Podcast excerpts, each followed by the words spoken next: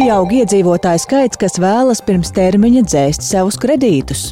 Raidījumā pusdienu skaidrosim, kas izraisīs šādu tendenci un cik pretimnākošas ir bankas. Tas noteikti nozīmē pozitīvu tendenci, ka iedzīvotāju rīcībā ir līdzekļi, lai varētu atmaksāt pirms termiņa. Stāstīsim arī par to, ka kara plosītajā Ukrainā nākas cīnīties arī pret korupciju.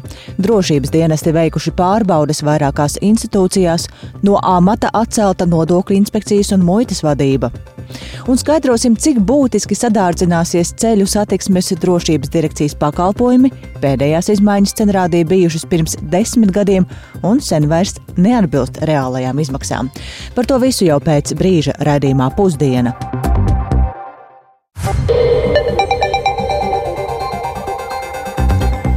Piecas minūtes pāri 12. skanējumu sāk raidījums pusdienas, skaidrojot šīs dienas 2. februāra būtiskākos notikumus. Studijā Dācis Simenoviča. Labdien! Kā jau ziņās tikko dzirdējām, tad pirms brīža Saima centrālās vēlēšana komisijas priekšsēdētājs amatā ievēlēja Pasaules brīvo latviešu apvienības bijušo vadītāju Kristīnu Saulīti. Bez debatēm atbalstīti arī visu Saimas frakciju virzītie septiņi komisijas locekļi un Saimas balsojumam līdzi sekoja arī kolēģis Jānis Kīncis, kurš nu jau man pievienojas šobrīd studijā. Sveiks, Jāni! Vai atbalsts jaunajam centrālās vēlēšana komisijas sastāvam bija vienbalsīgs?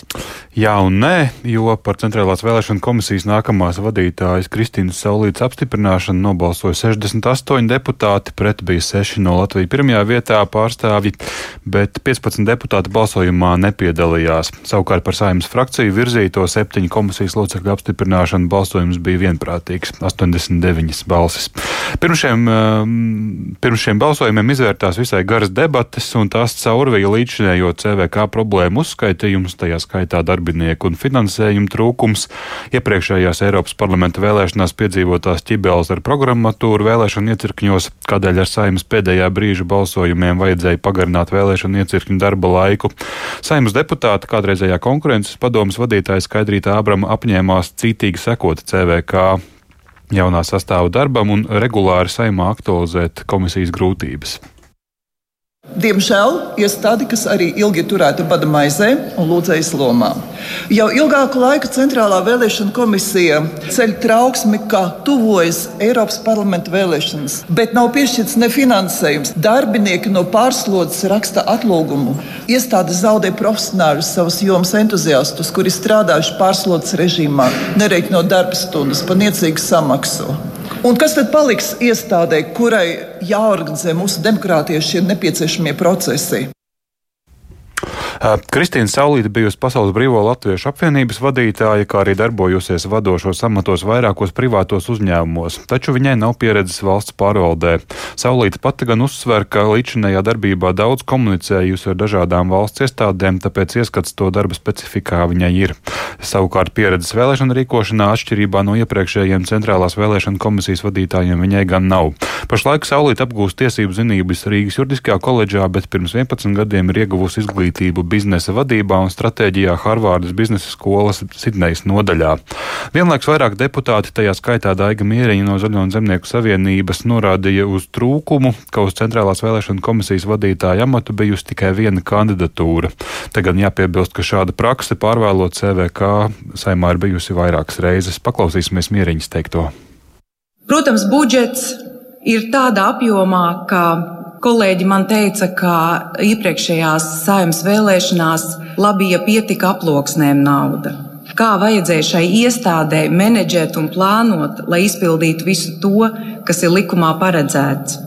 Vai Saulīts kundze būs tik spējīga dažu mēnešu laikā iepazīties un aptvert visas tās problēmas, kas ir nepieciešamas, un lai arī nodrošinātu jau tuvumā esošās Eiropas parlamenta vēlēšanas?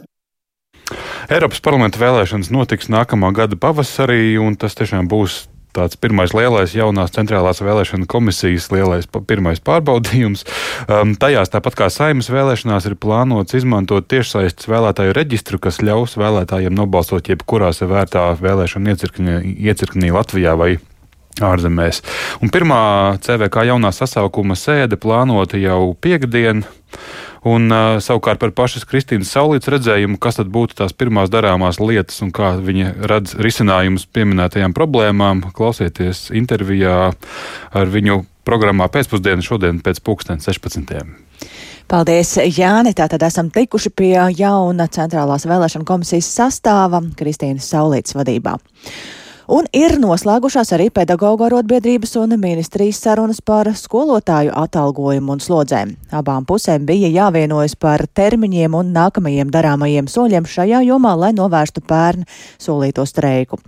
Kompromiss jau iepriekš panākts par algu paaugstinājumu septembrī un nākamā gada janvārī visos izglītības līmeņos, tostarp arī augstskolu pedagogiem, savukārt, piemēram, pirmskolas pedagogiem izmaiņas jau no šī gada sākuma. Tomēr, gatavojot vienošanās gala tekstu, atsevišķi jautājumi vēl bija neskaidri, un tādēļ telefoniski man šobrīd pievienojas Latvijas izglītības un zinātnes darbinieku arotbiedrības vadītāja Inga Vanaga. Labdien! Sveicināti! Kā ir beigušās pedagoģu sarunas ar ministriju un vai esat tikuši pie kompromisa? Nu, jāsaka, jā, pie kompromisa mēs nonācām. Nebūtu nebija viegli, bet tas, kas ir pats būtiskākais, ka no jau šī mācību gada, kas būs no 23. gada 1. septembra, pilnīgi visām pedagoģu grupām tiks uzsākta darba slodzes sabalansēšana. Tad mums jau līdz 1. maijam jāturpina darbs apspriest ministrijas izteikto piedāvājumu par izmaiņām, ja tādām diezgan konceptuālām šiem slodzes principu veidošanās un analīzēm kopā arī ar citiem partneriem, ar pašvaldību savienību un ar direktoru organizāciju. Bet pats būtiskākais, ka pilnīgi visiem slodžu balansēšana uzsākās no jaunā mācību gada. Un otrs, tātad šī darba samaksa, tātad jā, būs darba algas paaugstinājums visiem pedagogiem. Un, un sākot no pirmskolas līdz augstākai izglītībai, piemēram, skolu skolotājiem zemākā darba stundas apmaksa palielināsies no 7,50 uz 8,50, bet es uzsveru zemākā. Jā, tas ir aprēķina principiem.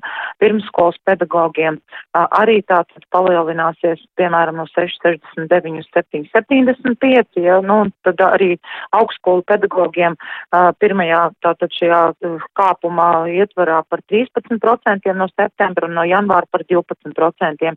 Kas gan vēl ir, jā, mums ir par augstskolu pedagogiem vēl ir jāizrunā šis avots, jā, tur ir, nu, kā saka, domas vēl dalās arī un tādu preci, preci, nepieciešami precizēt informāciju. Un tad mums ir vēl jāpabeidz darbs par profesionālās izglītības iestāžu pedagogiem, lai viņiem nav jāatstrādā, jāatstrādā svētku dienas, un arī pie darba samaksas par administrāciju arī ir vēl jāpabeidz pēdējie darbi, bet ir konceptuālā vienošanās, ka viņiem nevienam uh, nedrīkst būt stundas apmaksa mazāka nekā uh, skolotājiem. Ja? Tā kā tas viss ir fiksēts dokumentu projektos, uh, vēl zināmi darbi līdz maijam ir jāizdara, bet grafiks būs un slodžu balansēšanas plāns arī. Jā, jūs jau pieminējāt, ka augstskolu pedagogiem vēl būs jāmeklē avoti, vai ir pārliecība tiešām, ka arī visos šajos gadījumos solījumiem pretī ir arī nauda un tas viss tiks īstenots? Aha. Tā tad ir norādīts arī šie avoti gan par skolu skolotājiem, ja, gan arī par pirmskolas, par augstskolu pedagogiem. Ir avots, tikai diskusija ir par to, vai tas ir pieņemams, ja, šis avots no zinātnes, šīs finansējuma daļas, ja, kas, kas ir, ja, un par to vēl ir debate, un tas ir tad vēl ir, nu, jāizrunā, un par to, vai tas būs budžetā, un tātad budžeta dokumenti nākam nedēļ Tā tad ir Nacionālā trīspusējā sadarbības padomas sēde un uh, ministra kabinets izskata, un tur, nu, Es ļoti ceru, ka nevienam neienāks prātā pārkāpt uh, ministru kabineta 17. septembra lēmumu, kas tieši bija jau šīs streika izlikšanas ietvarā, kur skaidri un nepārprotami ir rakstīts, ka finansējumam ir jābūt paredzētam 23. gada un vidē termiņa budžetā, ja, ja tam visam ir fiskālā ietekme un uh, nauda aprēķini tur ir atspoguļoti un tad, nu, nu, šobrīd bažu nav, bet nākamās nedēļas ietvarā par to mēs arī turēsim rūpi un lūkosim, lai tas viss ir šajos dokumentos arī. Jā, paldies. Tātad dzirdējām Latvijas izglītības un zinātnes darbinieku arotbiedrības vadītāju Ingu Vanagu par kompromisu, kas ir panākts starp arotbiedrību un ministriju. Un mēs turpinām ar notikumiem citviet pasaulē, pastiprinot cīņu pret korupciju Ukrainas drošības dienesti ir veikuši pārbaudas vairākās institūcijās. No amata atcelta arī nodokļu inspekcijas un muitas vadība. Vienlaikus ir pārbaudīts arī ietekmīgais oligārhs Kolomoisks un, kā norāda Ukrainas prezidents, tad tikai šāda izlēmīga rīcība var veicināt tiesiskumu valstī. Tikmēr komentētāji uzskata, ka šādi reidi ir saistīti ar rīt Kīvā gaidāmo Ukrainas un Eiropas Savienības samitu. Vairāk par to stāsta Oģis Lībietis.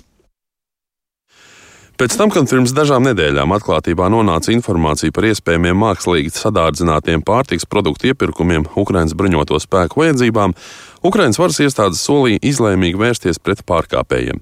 Arī no ārvalstu diplomātiem arvien biežāk izskanējušas bažas par Ukrainā plaukstošo korupciju un atsevišķu amatpersonu iedzīvošanos pat kara laikā.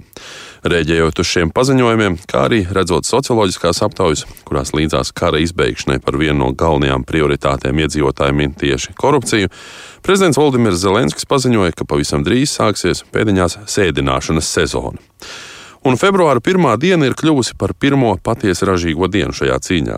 Proti, valsts izmeklēšanas birojas vakar veids pārbaudas Kijavas nodokļu inspekcijā un muitā, atstādinot abu organizāciju vadītājus.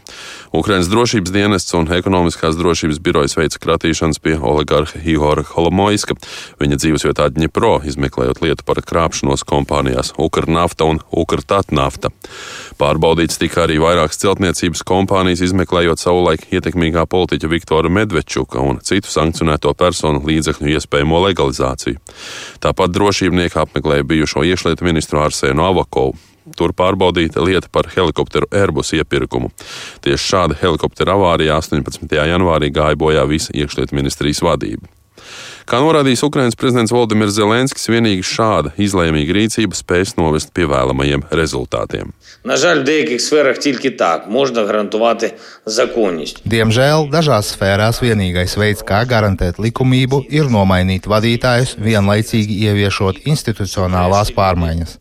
Šādas pārmaiņas ir nepieciešamas, lai cilvēki neturpinātu ļaunprātīgi izmantot savu varu. Kustībai pretī taisnīgumam ir taustāmi rezultāti un taisna tiesa tiks nodrošināta. Īpaši svarīga ir procesu caurskatāmība aizsardzības ministrijā un aizsardzības spēkos kopumā. Jebkuras iekšējās piegādes, jebkuri iepirkumi, visam ir jābūt absolūti tīram un godīgam. Līdzīgi kā tas ir ar mūsu ārējām drošības piegādēm. Tie, kuri šiem procesiem traucēs, nepaliks šajās struktūrās.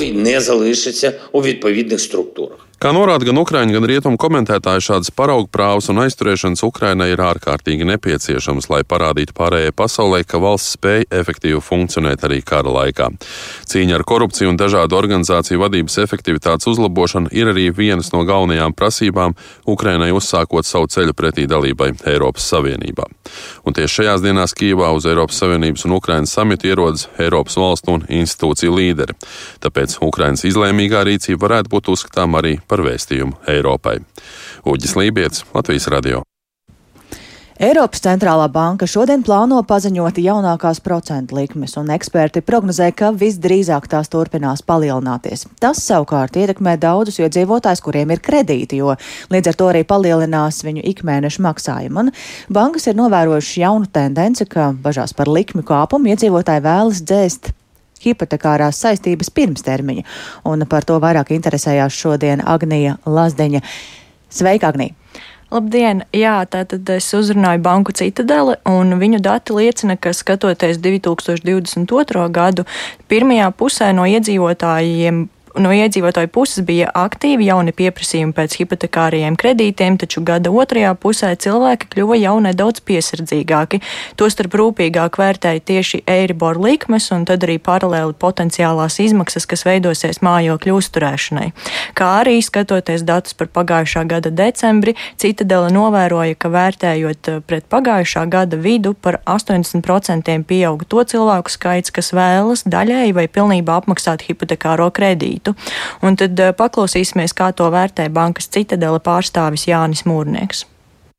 tie iedzīvotāji, kuri apmaksā pirms termiņa, tie pārsvarā ir tādi, kuriem vai nu šis hipotekārā kredīta termiņš jau iet uz beigu pusi, un jau ir gana ilgi maksāts, un šī summa nav atlikusi liela, vai arī paralēli kredīta maksājumam iedzīvotājs ir veicis uzkrājumus, lai veiktu rezerves, un tad šos līdzekļus šajā brīdī izmanto, lai daļēji, piemēram, atmaksātu kredītu. Tas noteikti nozīmē pozitīvu tendenci, ka iedzīvotāju rīcībā ir līdzekļi, lai varētu atmaksāt pirms termiņa. Jā, lūk, tāds ir eh, Citadelas bankas skatījums uz šo. Bet cik pretim nākošas ir pašas bankas, jo nu, tomēr viņas ir rēķinājušās ar regulāriem ienākumiem, vai nav kāda papildu komisija jāmaksā šiem cilvēkiem? Nē, uh, Citadela banka sacīja, ka nav soda procentu vai papildu izmaksas, un iedzīvotājiem tas tiek regulēts un droši var apmaksāt pirms termiņa, ja cilvēks to vēlas un var atļauties darīt. Taču, kas ir interesanti, pagaidām gan izskatās, ka Eiribor likmes paaugstināšanās uztrauc tikai Citadelas bankas klientus, jo runājot ar Svetbanku pārstāvi Jānu Kropu, viņš atzina, ka šāda tendence netiek novērota, bet arī Krops sacīja, ka ja arī kādu cilvēku uztrauc šīs likmes paaugstināšanās, tas nebūtu nenozīmē nenozīmē neko sliktu, tieši pretēji. Cilvēki spēja atmaksāt, tātad līdzekļi ir, kā arī jau pirms hipotekārā kredīta izsniegšanas tiek aprēķināts un izsvērts tas, vai cilvēks spēs apmaksāt šo kredītu arī dažādās neparedzētās un grūtākās situācijās. Un līdz ar to, jā, varbūt tā likmes paaugstināšanās būs sāpīgāka un kļūs dārgāka, tomēr tas nenozīmē to, ka nevarēs apmaksāt. Jā, paldies Agnijai Lazdeņai tik tālu par procentu likmēm un kredītiem, bet mēs tālāk dodamies uz Liepāju, kur labāki apstākļi būs zvejniekiem, jo ostā modernizētas piestātnes zvejas kuģiem. Piestātnes, kuras izmantoja zvejas kuģu apkalpošanai, bija novecojušas un vairs neatbilda mūsdienu vajadzībām, un tagad ir ieguldīti nepilni 3 miljoni eiro, uzlabojot infrastruktūras objektus abās tiešniecības kanāla malās, un par to vairāk Inga Ozola. Kāds arī trīs mēnesienus? Kaut arī zvejas flote Liepājā sarukusi uz pusi un daudzi no zvejas kuģiem ir sagriezti, tomēr zvejas nozarē palikušie turpina ieguldīt gan savos zvejas kuģos, gan attīsta pārstrādi. Liepājas speciālās ekonomiskās zonas pārvaldnieks Ulris Maļevskis uzsver zvejas nozares nozīmi un to, kāpēc bija nepieciešams rekonstruēt zvejas piestātnes gan vecajā ostmalā, gan jaunliepājā, abās tirzniecības kanāla pusēs. Zvejniecība ir neatņemama Liepājas ostas sastāvdaļa. Ja nebūs zivis, ja, ne, tad tā Liepāja nebūs nebūs tāda, kāda mēs to zinām. Jā. Protams, ir industriāli apjomi, kurus ķer brētliņus, piemēram, un, un saldē un sūta eksportē uz to pašu Ukrainu. Šobrīd kravas iet, un mazie piekrastes zvejnieki, kur tāpatās ienāk ostā un, un savu produkciju var izkraut un attiecīgi tālāk apstrādāt. Ja nebūs šī infrastruktūra, nebūs piestātnes kvalitatīvas, nebūs šie celtņi, ar kuriem var izkraut zivju kastes no no kuģiem, ja, tad, protams, tā darbība ir apgrūtināta. Nu, šeit gan mēs redzam, arī šī piestātne pat ir publiski atvērta, kas nav pirms tam bijis agrāk. Jā, tad, kā sākotnēji jautājāt, ja, kā tad ir tā liepājai tā pienesums, tad tieši arī šī promenādes puse ir tas pienesums. Puse. Projekta vadītājs Egils Svēlis stāsta, ka darbi sākušies 2021. gada aprīlī. Projekta laikā izdevies pilnībā atjaunot sešas piestātnes, kas pielāgotas zvejnieku vajadzībām, pārkraujot zivis. Konstrukcija pat ir nomainīta divām piestātnēm ir atjaunota piestātņu fasādes segums, ir atjaunots piestātnes aprīkojums, elektroapgādes, uzstādīti trīs stacionāri polifingeru krāni, kuriem tad var arī nozvejoto lomu izcelt no zvejas kuģiem. Zemkopības ministrijas zivsaimniecības departamenta direktors Normons Rieksniņš pauž gandarījumu par paveikto, uzsverot, ka apstākļi uzlaboti tieši zvejas nozarei. Liepājas ostu izmanto kuģi, kas nāk no Pāvelostas apkārtnes piekrastes zvejnieki, arī kuģi, piemēram, no Lietuvas. Pagā Pagājušā gadā Liepājā gan Latvijas, gan ārvalstu zvejnieki izkrāva 8,5 tūkstošus tonnas zivju. Kopējais realizēto zivju apjoms naudas izteiksmē pārsniedz 2 miljonus eiro. Ir tendence zvejot lielākus apjomus ar mazāku kuģu skaitu. Ja Liepājā agrāk bija reģistrēta 146 zvejas kuģi un mazās zvejas laivas, tad šobrīd 75. Lielākais kritums ir šiem lielajiem kuģiem. Ja ņemot vērā, teiksim, mēnesi zvejas aizliegumu, tagad arī lases ir, teiksim, aizliegums beigt zvejot, kur arī bija, teiksim, vairāk kuģi, kas uh, Liepājā gāja lašu zvejā, nājas piekrastes joslas. ka šīs izmaiņas noteikti ir ietekmējušas. Zvejas piestātņu rekonstrukciju pašvaldībai un sēs pārvaldē rosināja tieši paši zvejnieki. Viņa vidū vairāk organizāciju arī Kurzemes zvejnieku asociācijas pārstāvis Mārs Stankevičs. Ļoti daudz kas ir mainījies. Pirmkārt, ir paši piestātnes. Ir jābūt sakārtots, kur kuģiem tauoties. Tās ir sienas, kur kuģiem nāk klāt ar fenderiem, ja, lai nav bīstama un nesist kuģis kopā. Tā ir kuģa stāvēšana, eh, tad, kad netiek jūrā pārgaidīta vētras, izkraušanas vietas ir sakārtotas ar šiem projektiem. Mūsu iepriekšējos projektiņos arī bija divi manipulātori uzstādīti, ka te, kur krauties kuģiem zivs, bet šobrīd ir šajā jaunā projektā ir vēl trīs eh, manipulātori.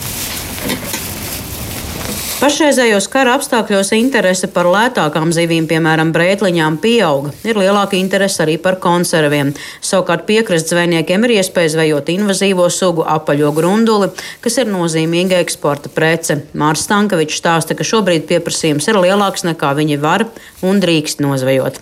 Ingozola Latvijas radio kurzemē.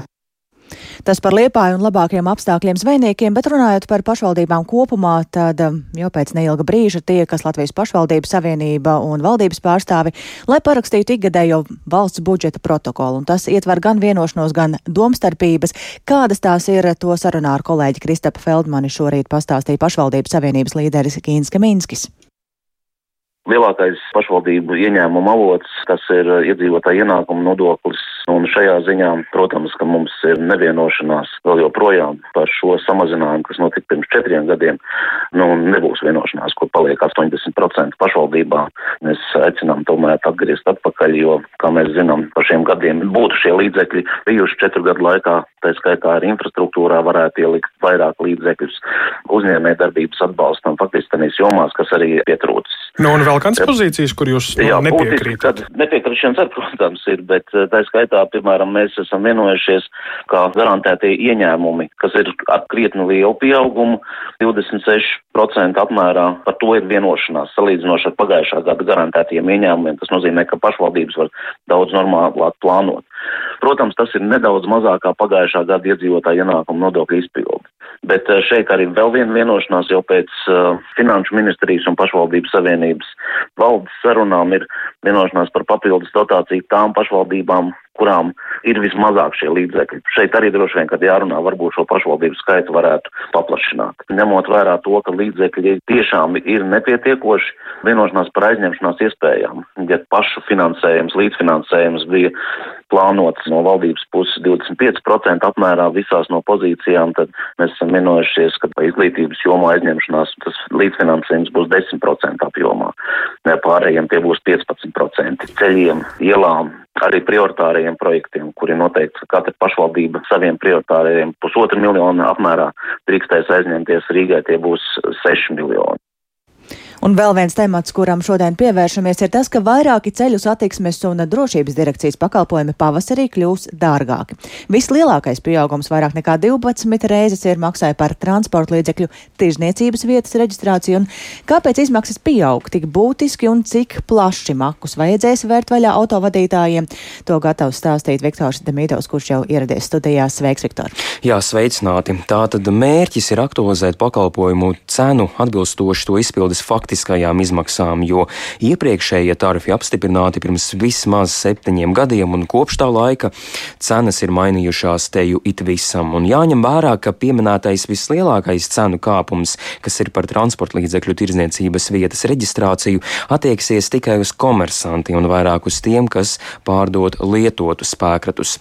Tagadēju 14 eiro vietā uzņēmumiem vajadzēs šķirties no 174 eiro.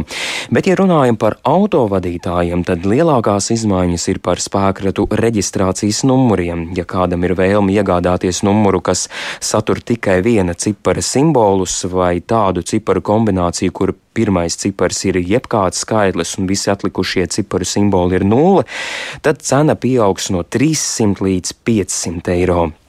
Mainīsies cenas arī par vadīšanas eksāmenu, taču ir nianses par viegliem automobīļiem kāpums. Nebūs um, tik būtisks, bet, um, ja, ja ir vēlme nokārtot eksāmenu uz motocikla, tad, tad pat kritīsies tā cena. Un Kā to komentē ceļu satiksmes drošības direkcija? Lūdzu, paklausīsimies Ilzes Šipkevicas teiktajā. Tās pozīcijas, kas ietekmē lielu skaitu autovadītāju, nav ar būtisku pieaugumu, un būtībā šis ir cenrādis, eh, kur tiešām tika ļoti rūpīgi skatīts gan šis te cenas veidošanās princips un tie ietekmējušie faktori, un eh, te nevajadzētu būt lielam satraukumam. Protams, ka citas pozīcijas ir ar loģisku pieaugumu, jo tik tiešām eh, septiņu un vairāk gadu laikā ir mainījušās gan degvielas cenas, gan darba spēka izmaksas, gan arī citas pozīcijas, tur IT risinājumu uzturēšanas izmaksas un tam līdzīgi.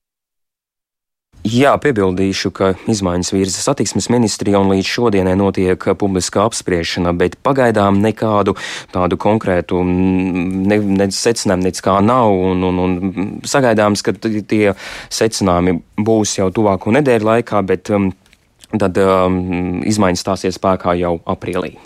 Jā, paldies Viktoram Demīdovam tik tālu par CSDD jauno cenrādi. Un ar to arī izskan raidījums pusdienā producente Ilze Aginta.